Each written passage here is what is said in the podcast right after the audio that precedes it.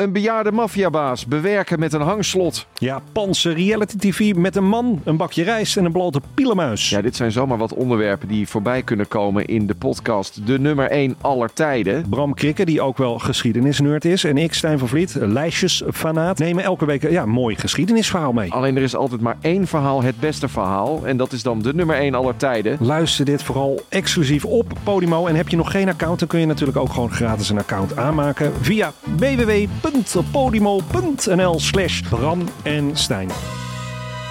Dit programma wordt mede mogelijk gemaakt door Toto.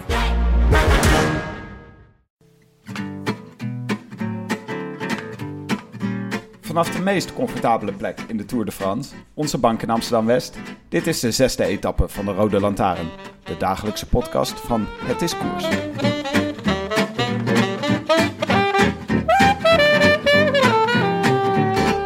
Vandaag de zesde etappe van de Tour de France 2016. Wij praten u elke dag bij. Mijn naam is Tim de Gier, tegenover mij zit Willem Dudok. Willem, we naderen de Pyreneeën, maar vandaag was er nog even vlak. Het is warm in de Tour. Heb je er vermaakt? Ik heb me stierlijk vermaakt, Tim. Er was een kopgroepje van twee tot 20 kilometer voor de meet. En toen kwamen de treintjes. Toen nam het trekken en duwen toe. Toen zagen we Dylan Groenewegen worstelen om een goed wiel te vinden. Toen ging Cavendish heel vroeg aan en hij won. Christophe door het midden. Kittel ernaast in het blauw. Daar komt Cavendish. Cavendish gaat er voorbij. Cavendish door Kev- het midden. Eh, Cavendish nog Kittel. steeds. Maar het is lang. Kittel. Het is ver. Het is, is Kittel. Kittel. Ja. Ja, Cavendish misschien. I wish I could be in the south of France. In the south of France. Sitting right next to you. Gisteren waren we een beetje laat met de podcast, Willem. Heel laat zelfs. Over 12 was het. Na de, we waren voor het eerst na de avondetappe. We vroegen allerlei eh, echte, echte dingen uit het echte leven, vroegen onze aandacht, zoals eh, het gezinsleven en het café. Precies. Een dochter die tijdens de hele podcast op mijn schoot zat.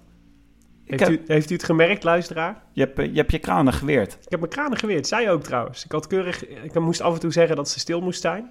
En deed ik, mijn, deed ik even mijn, mijn vinger naar mijn mond. En dan knikte ze braaf. En het enige wat ze deed was af en toe aan het snoertje van de microfoon zitten. Dus wellicht dat ik af en toe wegviel. Daardoor. Willem, ik moet altijd zo in de, in de zomer moet ik toch een beetje balanceren. Het echte leven en het leven in het stadion en in de koers. Ja. En ik... eh, En het café. En het café.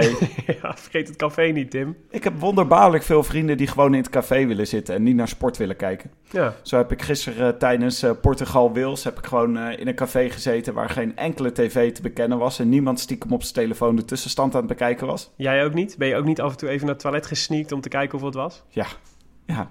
Het was overigens, ik, keek, op, ik keek op mijn telefoon, nou ja, zeg maar om de vijf minuten. En Mhm. ineens stond het 2-0. Ja, het ging heel snel. Heel snel. Heb jij het gezien? Ik heb het gezien. En eh, ja, het was een beetje een wedstrijd zoals de rest van het EK. Er was niet heel veel aan, behalve die twee minuten waarin gescoord werd. Het was wel een prachtige kopbal van Cristiano Ronaldo. Maar ehm, verder, eh, ja, jammer voor Wales. Maar vanavond is pas de echte finale. Of de echte halve finale, bedoel ik. De echte leuke halve Duitsland. finale. Ja, die is veel leuker dan Wales-Portugal. Daar zie ik echt naar uit. Dat, volgens mij wordt dat ook de enige echte mooie wedstrijd van het EK. En als dat niet zo is, dan is het echt het officieel het aller, aller, aller, aller slechtste EK ooit. Wat, eh, wat, wat verwacht je van vanavond? Eh, ik, ben, ja, ik ben Duitsland-fan, hè. Dus ik, eh, ik ga gewoon hier zeggen dat Duitsland hier met, met 3-1 van Frankrijk gaat winnen. 3-1. Nou, het, het is Tony Kroos die jouw hart veroverd heeft, hè? Tony Kroos, ja. ja. Fantastisch seizoen gespeeld bij Real. En hij speelt nu ook echt een fantastisch toernooi. Dus ik denk dat hij eh, dat die, eh, wederom de motor op het middenveld gaat zijn. En dat, eh, dat Mario Götze twee keer gaat scoren. Als invaller. Ik, ik vind Frankrijk ook opvallend goed, hoor. Ze, hebben, ze zijn gebalanceerd voor hun doen. Er is Ah. geen, ze, hebben, ze hebben nog geen matpartij in de kleedkamer gehad. Beetje wisselvallig, toch? En Paultje Pogba is nog niet echt in vorm. Ja, maar wisselvalligheid op het veld is wel een van de, van de minst belangrijke dingen voor het Franse elftal. Dat is waar. Meestal hebben ze wel grotere problemen dan dat. Ja, ik kijk ernaar uit. Ik, eh, waar ik ook naar uitkijk, want de sportzomer is, eh, is, eh, wordt steeds drukker. EK Atletiek in Amsterdam. Ja, mor- Morgenavond hebben we voor het eerst Daphne Schippers in het Olympisch Stadion. Dat wordt gek. ja. Zie Als ik je- zeer naar uit. Als je nu langs het Museumplein fietst, dan kan je alvast naar voorrondes kijken. Ja. Ja, met eh discuswerpen en, eh, en wat was het ook weer? Kogelstoten? Speerwerpen. Doen ze speerwerpen op het Museumplein? Ja, Super link met al die trams. ja ik, eh, ik hoorde dat gewoon een paar concert, opera-liefhebbers eh, gesneuveld zijn op weg naar het concertgebouw. Precies. En er is ook al één keer eentje door, een, door de nachtwacht gegaan met een speer. Ja, eeuwig zonde. Ik hoorde ook dat jij meldde mij het gerucht dat Daphne Schippers met Nicky Romero ging. Ik geloof het wel, Willem. Dit meende ik af te leiden van Twitter. Jeetje. Hij zei dingen als: Ik ben rete trots op Daphne Schippers. Is dit weer iets wat we morgen moeten rectificeren met het schaamrood op onze kaken? Hebben we nog rectificaties, Willem? Toevallig dat je daarover begint. Jazeker hebben we rectificaties. Eerst eentje van eh, een paar etappes geleden, toen we nog in Normandië zaten. Eh, in Saint-Méréglise, om precies te zijn. Toen eh, spraken wij onze verbazing uit over het feit dat de, de inwoners van Saint-Méréglise een parachutist aan een, aan een kerktoren hadden gehangen. Maar dat blijkt dus altijd al zo te zijn. Al, er hangt altijd een, een parachutist aan, in, een- aan een kerktoren in Saint-Méréglise. Al van ver voor de Tweede Wereldoorlog, toch? De slag bij Poitiers, Tim. Moet je nagaan hoe raar het was toen die geallieerden daar landden. Dat ze in één keer zo'n eh, parachutist aan een kerktoren zaten. Het was ook gek dat, Hoe ze dus, demotiverend is dat? het is ook gek dat ze hem de slag bij Poitiers noemen als hij gewoon in Normandië was, toch? Ja, precies. Maar dit is heel lastig met parachutisten om op de goede plek te landen. Hè? Vraag dat maar aan de geallieerden. En een tweede, tweede punt was, ehm, eh, dat was niet echt een rectificatie, als wel, ehm, dat we, dat we eh, als wel een opheldering. Namelijk de, het conflict tussen de Spanjaarden. ehm, beschreven wij gisteren als vergelijkbaar met het conflict tussen twee Nederlandse ploegen eh, in het begin van de jaren 90. En toen hadden we het over eh, eh, wat was het? Eh, Jan Raas versus Kees Priem. Maar het bleek dus Jan Raas versus Peter Post te zijn. En wel Team Buckler versus Team Panasonic. En dat kreeg zijn uiteindelijke beslag in een legendarische rit in de Tour van 92. Toen de beslissende slag bestond uit Frans Maassen, Mark Sergeant en Jean-Claude Colotti. Maassen bij Van Buckler, Sergeant van Panasonic, Colotti van weet ik veel wat. Doet er ook niet toe. Oh, Jean-Claude Colotti. Tim, doe niet alsof je Jean-Claude Col- Colotti kent. Ik mis de dagen van Jean-Claude Colotti, Willem. Ja, Colotti was de derde hond in het kegelspel. En die gingen, mee, die ging, eh, die gingen lopen. En Maas en Sergeant weigerden er allebei achteraan te rijden, omdat ze elkaar... eh, omdat ze, oh nee, ik weet niet of ze elkaar haten, maar ze hadden in ieder geval opdracht van hun respectievelijke ploegrijders om te zorgen dat ze in ieder geval niet, eh, dat de ene in ieder geval niet van de andere zou winnen. En nou ja, dat was de culminatie van, van een jarenlang conflict. En Mart Smeet sprak er schande van in de uitzending. Prachtig. Shakespeareaans drama was het. Tim, ik moet een natje. Laten we de etappe bespreken. Ja, waar is ons natje?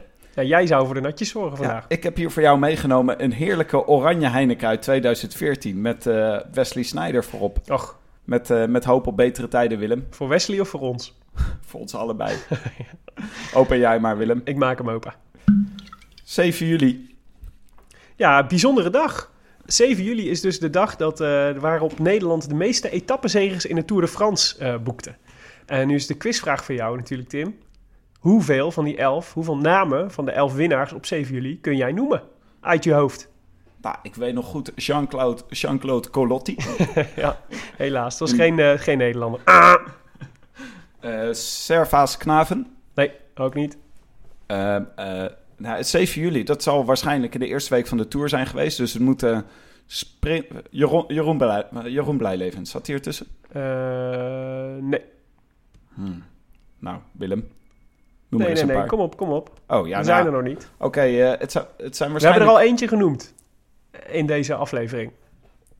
En die is eh, meteen goed voor twee overwinningen. Jan Raas. Ja, Jan Raas zowel in 1984 als 1977 won die op 7 juli. Ja, dus het zijn of aanvallers of sprinters. Nee, ik, eh, er staat geen enkele sprinter tussen. Oh. Tenminste, van de, van de namen die ik ken. Erik Dekker. Ja, nee, nee. Wel eentje die we ook nog dagelijks op televisie horen. Waar we net eh, een tijdje naar hebben zitten luisteren.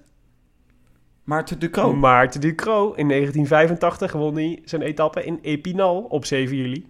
Oh, prachtig. Ja. Ik heb hem er niet over gehoord vandaag. Dat vind ik niks voor Maarten. Dat vind ik ook niks van Dat Maarten. heb ik waarschijnlijk gemist. Nog één andere. Misschien horen we die er vanavond over. Die altijd gast is in de avondetappe.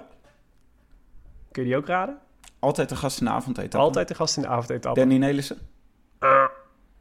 Eh, Herman van der Zand. Dionne de Graaf. Thijs Zonneveld. Wie is er altijd de gast in de avondetappe? Je bedoelt elke dag? Ja, tot nu toe is hij er elke dag. Maar jij kijkt nooit, hè? Dit hier wreekt zich, de, hier wreekt zich het gebrek aan voorbereiding.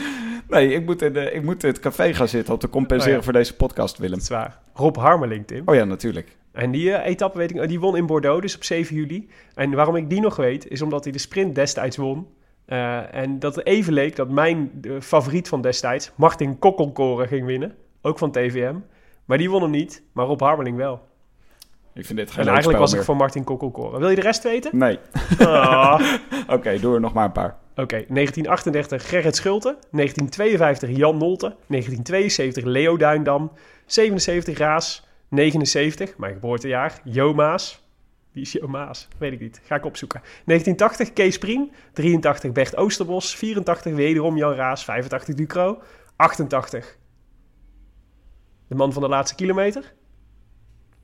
Sprong altijd weg uit het peloton, net voordat... eh, Joop Zoetemelk. Nee, 88. Joop Zoetemelk. Jelle Nijdam. Oh ja, pardon. En 92 Rob Harmeling. 11 overwinningen. Fantastisch toch? Ik Ja. vind dat eh, een mooi feitje. En puikwerk van uh, redactiestagiair Gaston. Hartstikke goed gedaan, Gaston. Je hebt je blunders van gisteren weer eh, meer dan goed gemaakt. Ehm, bovendien finishten we in Montauban vandaag. En nou ga ik je niet wederom eh, doodgooien met, eh, met een nieuwe quiz. Eh, maar dat is natuurlijk ook wel een legendarische plek. Ik neem jou even mee terug naar 1998. Toen Montauban ook finishplaats was. Dit weet ik nog wel hoor, Willem. TVM. Ja, TVM. Een hele auto vol met spuiten en eh, Met EPO. EPO-pleisters. Precies, voor, eh, voor de jongens van TVM, voor de, voor de, de voskampjes en de blijlevens van deze Dat was wereld. toch dubbel teleurst een dubbele teleurstelling voor ons. TVM, toch Ja. een beetje het, eh, het kleine broertje van de Rabo-ploeg, ineens helemaal ondergedopeerd bleek. Ja, precies. Ja, dat was dus eh, wat gebeurde er. Dus er werd een auto aangehouden aan de Frans-Spaanse grens, eh, vol met ampullen van, eh, of een vrachtwagen zelfs, vol met ampullen EPO. Eh, en dat zette dus een heel circus in gang.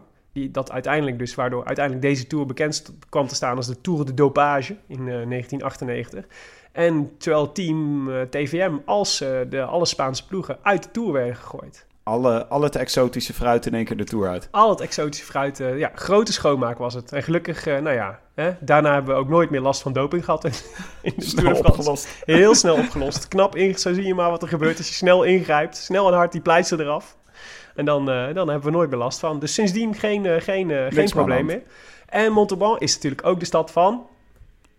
Ja. Jaja Jalabert. Laurent Jalabert, de wielerclub van Jalabert, was in Montauban.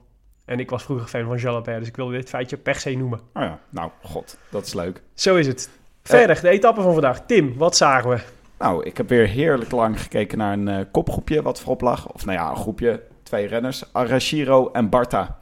Eh, Jan Barta ken ik wel, maar Arashiro had ik eigenlijk nog niet eerder gezien. Nee, nou ja, is een Japanner. Ja, dat is toch een gek gezicht. Ik had nog niet eerder een Tour is grappig, hè gezien. Tim? Dat is grappig, toch? Nou ja, in het peloton deze niet gewend. Ik ken ze alleen uit Carnaval Festival. Nou zeg. Eh, was het de eerste Japanner in het peloton? Ehm, nee, nee, maar wel een van de eerste. Maar eh Skill Shimano had eh, ooit Fumiyuki Beppu. Nog zo'n renner die... Fumiyuku Beppu. Fumiyuki Beppu.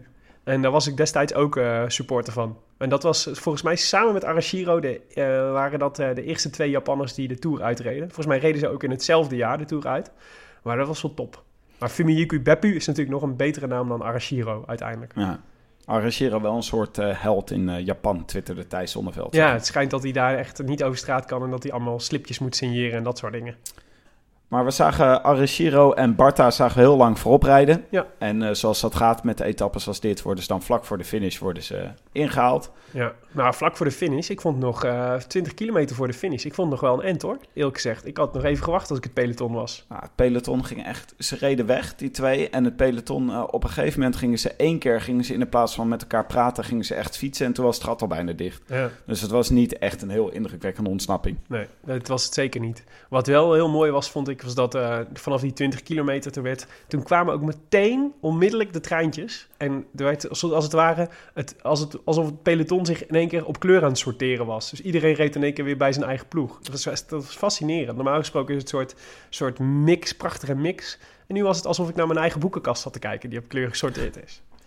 Ja, mooi, mooi, eh, mooi regenboogpeloton was het Vind, je dat stom als boekenkenner, dat mijn boekenkast op kleur gesorteerd is? Nee, ik vind dat wel leuk. Oh. Ik doe het zelf niet trouwens. Mijn Hoe sorteer jij boekenkast, je boeken? op eh, welke ik als, als laatste gekocht heb. Ongesorteerd. Ehm, wij, eh, ja, we zagen de treintjes zagen ontstaan en toen was het gewoon wachten op de massasprint. Ja. Het was wel een ongelooflijk getrek en geduw, zeg, die treintjes. Ja, maar wel fascinerend. Ja, ja, precies. Het was wel gewoon een mooi spel. En, Ja. eh, en met, op zich ging het best wel aardig. Dus zeg maar, vanaf drie kilometer waren de klassementsrenners in ieder geval voor een groot deel weg. Eh, en we zagen de hele tijd eigenlijk Lotto Jumbo. Die zaten al heel vroeg zaten ze, zaten ze vooraan. Ook te vroeg, zeiden ze achteraf. Ehm, en, eh, en waardoor Groenewegen aan het einde zelf nog een soort moest worstelen om een, eh, om een goed wiel te vinden. Ehm, maar ja, inderdaad heel veel treintjes en, en een, dus een lange aanloop naar een eigenlijk redelijk voorspelbare sprint uiteindelijk. Of in ieder geval voorspelbare nummer 1, 2, Ja. 3 was wel verrassend. Nou, het ging tussen, tussen Cavendish en Kittel. Kevin is in Kittel, ja. En eh Cavendish weer de beste. Kevin is weer de beste, ja. Hij zei dat hij... Ja, het geeft natuurlijk vertrouwen, hè. Als je, twee keer, eh, als je al twee keer gewonnen hebt, dan ga je met iets meer vertrouwen... eh, vertrouw je iets meer op je intuïtie, denk ik. Dus hij zei dat hij had gedacht dat hij heel snel... dat hij snel de sprint moest aangaan, omdat de weg een beetje berg afliep. En dan kun je natuurlijk langer snelheid maken. En wat hij ook zei, en dat vond ik ook fascinerend... dat hij eigenlijk te, een, te- nog een, een eh, eh, tandje tekort kwam.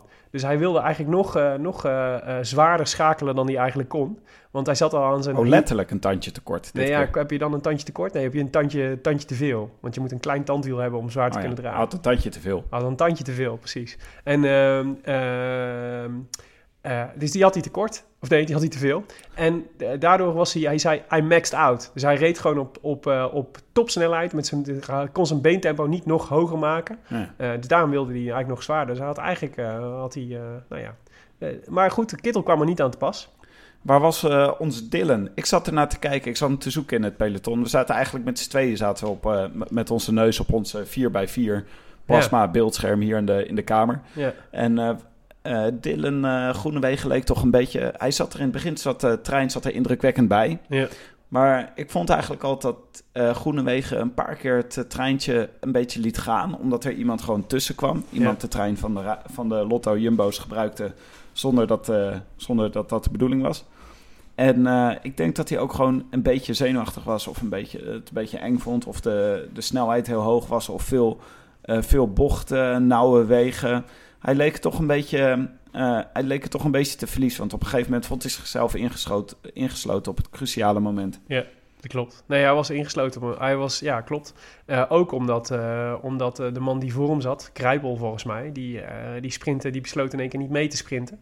Eh, waardoor hij eh, gewoon pech had dat hij, eh, dat, zijn, eh, dat hij daar niet mee mee kon. Volgens Ja. mij koos hij het wiel van eh Christophe. Was het Hij Christophe? zat bij een Oké. Katusha in het, eh, in het wiel. Oké, nou dat zou kunnen. En, ehm, eh, maar ja, dus het was ook het was gewoon een slechte positionering uiteindelijk. Wel, ik denk, hij baalde wel heel erg, want hij zei dat hij zelf echt een kans gemist had. Dat idee had ik ook wel. Eh, en dat lag ook wel aan dat Lotto Jumbo dus de sprinttrein zich liet een beetje liet, hoe noem je dat? Derailen. Eh, en dat was, ja, dat, was, dat was zonde. Want dit was wel de laatste kans voor Groenewegen. eh, voor, eh, het duurt weer eventjes voordat we de Pyreneeën uit zijn. En de En in de. Pyreneeën geef ik hem geen kans in de eindsprint. Dat, die, die uitspraak durf ik wel aan. Je weet het niet, Willem. We weten niet eens of hij erbij is volgende week. Dat wist hij zelf ook niet zeker te zeggen. Nee. Over de, sprint- verrassende, de verrassende nummer drie overigens, die je net noemde, was Daniel McClay. Daniel McLean. Weer een Brit. Ja, ja, ja leuk. Ik had, De nog nooit, Britten tegen de Duitsers. ik had nog nooit van hem gehoord, zal ik eerlijk zeggen. Voor deze tour, hè. Die, eh, de sprinttreinen. Eh, wij zaten, eh, omdat we zoveel tijd hadden achter onze tv, zaten we wat oude sprints op te zoeken. Het is toch wel grappig als je dan een oude sprint van Jean-Paul van Poppel bekijkt. Dan, dan zijn er nog geen treinen. En zie je gewoon een peloton van links naar rechts op de weg gaan. Dat beeld dat, dat bestaat eigenlijk niet echt meer. Dat Nee, iedereen eeuwig heeft- van links naar rechts op de weg gaan. Wat je, wat je vroeger altijd had. Nee, volgens mij mag ook niet meer. Volgens mij is dat... Is, je moet eh, in een rechte lijn sprinten. Ja. Dus dat, dat, dat gebeurt ook niet, zeg maar. En, en, ehm, maar ja, de- en ik, ik vond het wel fascinerend om te zien, want het blijkt dus helemaal nog niet zo heel oud te zijn. Dat, zeg maar, dat, dat idee van je moet een sprinttreintje hebben met een lead-out en, eh, en eh, mannen die jou op snelheid brengen, waarna je daar zelf uit het wiel kunt springen en de, en de laatste paar honderd meter of de laatste honderd meter helemaal max-out kan gaan, zoals, zoals Cavendish zei. Ja. Maar jij had uitgezocht wie de, wie de bedenker is van de sprinttrein. ja, dat blijkt Mario Cipollini te zijn. Mooie Ah, Mario. Ah, Die, eh, Mario. Nou, het idee van het treintje is dus dat eh, je in het wiel van je teamgenoten veilig naar de finish wordt gereden en op een goede plek zit. En dan krijg je vlak voor de finish krijg je een lead-out. Dan gaan je teamgenoten gaan nog eens extra snel, extra hard rijden. En dan word je als het ware geparachuteerd. En dan moet je in de laatste 200 meter moet je het afmaken. Mag ik, de, En- mag ik de namen van de knechten van Cipollini noemen zo? Eh, ja, nee, ga je gang, Willem. Zal ik het op zijn eh, Italiaans doen? Ja. Mario Cirea, Paolo Fornaciari, Silvio Martinello, Giuseppe Calciatera, Gian Matteo Fagnini en Giovanni Lombardi. Ja, Giovanni Lombardi Zei ik het een beetje goed? Ja, prachtig Willem. Heel goed gedaan. Heb je nu ook zin in pizza? We hadden aan Gaston gevraagd of die eh, deze naam... Ik ken Italië ook alleen maar uit Carnaval Festival. Eh, Willem, we hadden aan eh, Gaston hadden we gevraagd om, eh, om deze namen op te zoeken. Bedankt Gaston. Want ehm, het is toch altijd, het is, het is toch een beetje een ondankbare taak, knecht te zijn in een treintje. Ook dacht ik assistent te zijn van deze podcast.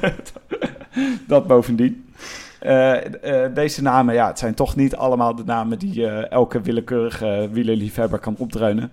Lombardi was wel een bekende. nou, Fagnini ook wel. Schirea natuurlijk ook wel.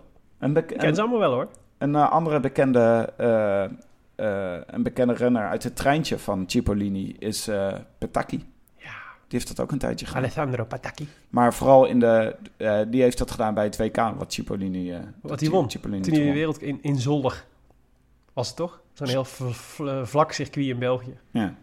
Ja. En eh Cipollini wordt volgend jaar 50. Jee man, ik las het. Ik, ik schrok er een beetje van. 50, dat is 50. knaloud. Ik hoop niet dat ik nu de helft van onze luisteraars verleer. De helft van de, van de kijkers in ieder geval van de De- Tour. De kijkers van dit programma haken massaal af. Maar ik had gewoon vooral niet verwacht dat Cipollini al 50 was. Hij ziet er, hij ziet er nog steeds patenter uit dan wij bij elkaar, Tim. Mooie Mario, niet hè. Mooi. En wat doet eh, Mario tegenwoordig? Is adviseur bij Katusha. Jouw favoriete Katusha, ploeg. het is wel een Jouw beetje- favoriete Russen. Na Astana. ja. Kazakken natuurlijk. Ja. Eh, wat, eh, er is nog meer Katusha nieuws hoorde ik vandaag. Ja, nou ja, er is een Katusha gerucht. Eh Katusha verdwijnt volgend jaar. En dan wordt het de ploeg Canyon Alpecin. Dat is de, wordt de, opvol dat is de opvolger van Katusha. Canyon is eigenlijk de, de, het fietsmerk waar Katusha voor op rijdt. Het is nu volgens mij ook Katusha Canyon eigenlijk. Maar het lijkt erop, althans, er ging het gerucht, verspreid door Roderick de Munnik. Dat is de, de hoofdredacteur van een van de wielerblad. En onder andere ook bij Pedala betrokken. Die zei uit goed ingevoerde bron dat Steven Kruiswijk getekend zou hebben voor die ploeg. Nou, Maar is Alpecin, is, gaan die dan gewoon weg bij Giant en die stappen gewoon over naar een andere ja, ploeg? want Alpes, dus de, eh, volgens mij wordt Sunweb wordt dan weer de nieuwe so- co-sponsor van, eh, van Giant. Maar dat is toch, dat, Sunweb dit maakt het ook niet makkelijker natuurlijk voor de fans. Ben je fan van Alpecin? Ja, Moet je ineens voor een, andere, voor een ander team van die shampoo. Ja, precies. Ja, precies. Ja. En Sunweb, moet je je voorstellen, daar hebben we straks Roompot en Sunweb. Waar moeten we dan in godsnaam op vakantie? Super verwarrend allemaal. Maar eh, het is denk ik een mooie ploeg voor Steven Kruiswijk. Want ze hebben niet echt een kopman op het moment. Joachim Rodriguez. Ja, ja. Ilnur Zakarin. Ja. Ja. Het- Die heb ik dat- in mijn tourpool, hè, Zakarin. ja? Ja. Nou, dat is een goeie, want eh, in de Giro was hij ook heel erg goed. Ja, precies, precies daarom vrees ik ervoor dat hij deze Tour niks gaat klaarmaken. Maar eh, Kruiswijk eh, die had, die heeft natuurlijk steen en been geklaagd dat hij geen goede ploeg om zich heen had in de Giro. En ik vind dat toch altijd een beetje jammer. Ik heb altijd het gevoel dat de Lotto Jumbo ploeg en Rabobank vroeger trouwens ook gewoon nooit echt vol ergens voor durven gaan. En dat wreekte zich een beetje in de Giro toen Kruiswijk ineens het naar verwachting Ja. deed. En, even, en zelfs beter dan, eh, dan verwachting. Ja, maar daar had hij ook wel echt een hele slechte ploeg om zich heen. Ja. Uiteindelijk. Dat is wel echt een beetje sneu. Ja, maar nu zitten ze in de Tour zitten ze natuurlijk weer met een beetje voor Kruiswijk en Ja. een beetje voor Dylan Groenewegen. Ja. En Kruiswijk Nee, niet wil voor gewoon Kruiswijk, voor Kelderman. Eh, voor Kelderman, pardon. En Kruiswijk wil natuurlijk gewoon voor een ploeg rijden die gewoon een ploeg om hem heen bouwt als hij naar de Giro gaat. Maar goed, we hebben hier te maken met wederom een gerucht. Ja. Net zoals Nicky Romero. In die categorie plaats ik het voorlopig. de categorie interessante geruchten, maar nog niet helemaal bevestigd. Dus pin ons er niet op vast. Ehm, weet je wie momenteel de rode lantaarn draagt, Tim? Ook Katusha. Ook Katusha. Michael Murkov. Ja. Met eh, twee, eh, twee omlautjes op allebei de O's. Die ehm, gisteren op 33 minuten binnenkwam eh, van Greg van Avermaat. Eh, terwijl de tijdslimiet op 36 minuten zat. Dus dat was, eh, dat was eh, heel erg spannend. Ja. En hij was ook degene die, weet je nog, de allereerste massasprint... die zo godsgruwelijk hard onderuit Ja, vloog. er gebeurde iets met de supporter. Ja, precies. Hij reed dus tegen, tegen de arm van een supporter aan. En vloog dus onderuit. Maar hij kan nu zo'n beetje op één been fietsen. Volgens mij, hij zei letterlijk, ik kan met één been fietsen. De andere krijg ik niet omlaag. Eh, en, eh, en, eh, maar wil toch niet opgeven. En staat dus, nou ja, rijdt nu dus in, oh, met de rode lantaarn op 1 uur en 10 minuten van Greg van Avermaat. We zijn zes etappes op weg en hij heeft al, hij heeft al meer dan een uur achterstand. Hij gaat de Tour niet meer winnen, denk ik. Zeker niet. Over rode lantaarns gesproken. Laten we naar de hashtag. Nou, de hashtag. De hashtag, ro- als je tweet met de hashtag Rode Lantaarn en Glazen Bol Cup en een renner eh, van wie je denkt dat hij deze, de, de volgende etappe gaat winnen, dan eh, doe je mee met eh, onze prijsvraag. Als je het goed raadt, dan sturen wij je het boek Lucien op over Lucien van Impe, de laatste Belgische toerwinnaar. En eh we hadden een winnaar vandaag. We hadden zeker een winnaar. Eh, een van onze trouwste luisteraars namelijk, at Cyclingbase. Eh, die voorspelde Cavendish. Eh, en eh, nou ja, die wint het boek Lucien. Gefeliciteerd, at Cyclingbase. We gaan het opsturen. Ja. Naar de etappe van morgen, Willem, zal ik je nog één keer bijschenken. Graag. We gaan naar de Pyreneeën. Ja, zeker gaan we naar de Pyreneeën. 162,5 kilometer morgen. Van Lisle, Lisle Jourdain naar Lac de Payon. Eh, en we komen de eerste echte eh, legendarische berg tegen. In ieder geval een beetje legendarisch. Kan dat? Dat kan. De Col d'Aspin in ieder geval, eerste categorie. Eh, en ehm, daar, eh, daar eh, verwacht ik wel wat soort van eerste vuurwerk eigenlijk. Open, open, daar worden de beschietingen geopend. En die rit eindigt met niet bergop, maar bergaf. Met een ehm, schijnbaar moeilijke afdaling naar Lac de Payol. En ook mooi. Althans, mooi. Voor ons mooi. Er wordt regen voorspeld. Ah, dus wie, wie verwacht jij, Willem? Tim, ik heb lang getwijfeld tussen Bert-Jan Lindeman, die ik, eh, die ik, eh, waarvan ik hoop dat hij, eh, dat hij wint, en degene van wie ik verwacht dat hij wint, namelijk Vincenzo Nibali. Want als ik een ingenieuze afdaling hoor, dan denk ik aan Nibali. Ja. Overigens, wist je dat er het, het anagram voor Nibali Nazi Binocle 20 is? Uitstekend. Zeker. Nou, ik verwacht Paolo Salvadelli. Heb je daar ook een anagram voor? Nee, ik heb geen andere. Hij is tevens gestopt als renner. Dus eh, laat, ik maar mijn, eh, laat ik mijn geld maar zetten op Joaquim Rodriguez. Ik verwacht een kopgroepje. En eh, Rodriguez is gewoon net niet goed genoeg voor Froome om zich echt zorgen om te maken. Dus die laat Rodriguez dan misschien wel een stukje vooruit rijden. Goed, jij gaat voor Rodriguez, ik ga voor Nibali. En dan komen we mee aan het einde van etappe 6 van de Rode Lantaarn. Mede mogelijk gemaakt, geproduceerd, gepresenteerd door mijzelf, Willem Dudok en Tim de Gier. Met heel veel speciale dank aan Het is Koers, de wielerblog van Nederland en Vlaanderen. En dank aan Johnny Wonder, communicatiebureau voor het digitale tijdperk, voor de eh, productionele, redactionele ondersteuning. Als je wil reageren op deze uitzending, heel graag. Twitter ons op Willem Dudok en Tim de Gier. En als je nou leuk vond wat je hoorde, eh, abonneer je dan even op iTunes bijvoorbeeld. Eh, of op een van de andere kanalen waar je ons je kunt abonneren op de podcast. Maar iTunes is leuk, want daar kun je ook een recensie achterlaten. Eh, gisteren gedaan door eh De Chas Patat. Eh, en die gaan eh, Tim nu even voorlezen. Je overvalt mij een beetje, Willem. Oh ja, beter, de- oh ja, beter dan de avondetappe, heet de recensie. Geschreven door Jas Patat. Vijf sterren. Top gear op de fiets. Scherp, komisch en relativerend. Gelukkig is Parijs nog ver. Goh, dat is toch prachtig. Dat doet de mens goed. Morgen de Pyreneeën. We zien. A biento, Tim. A biento. to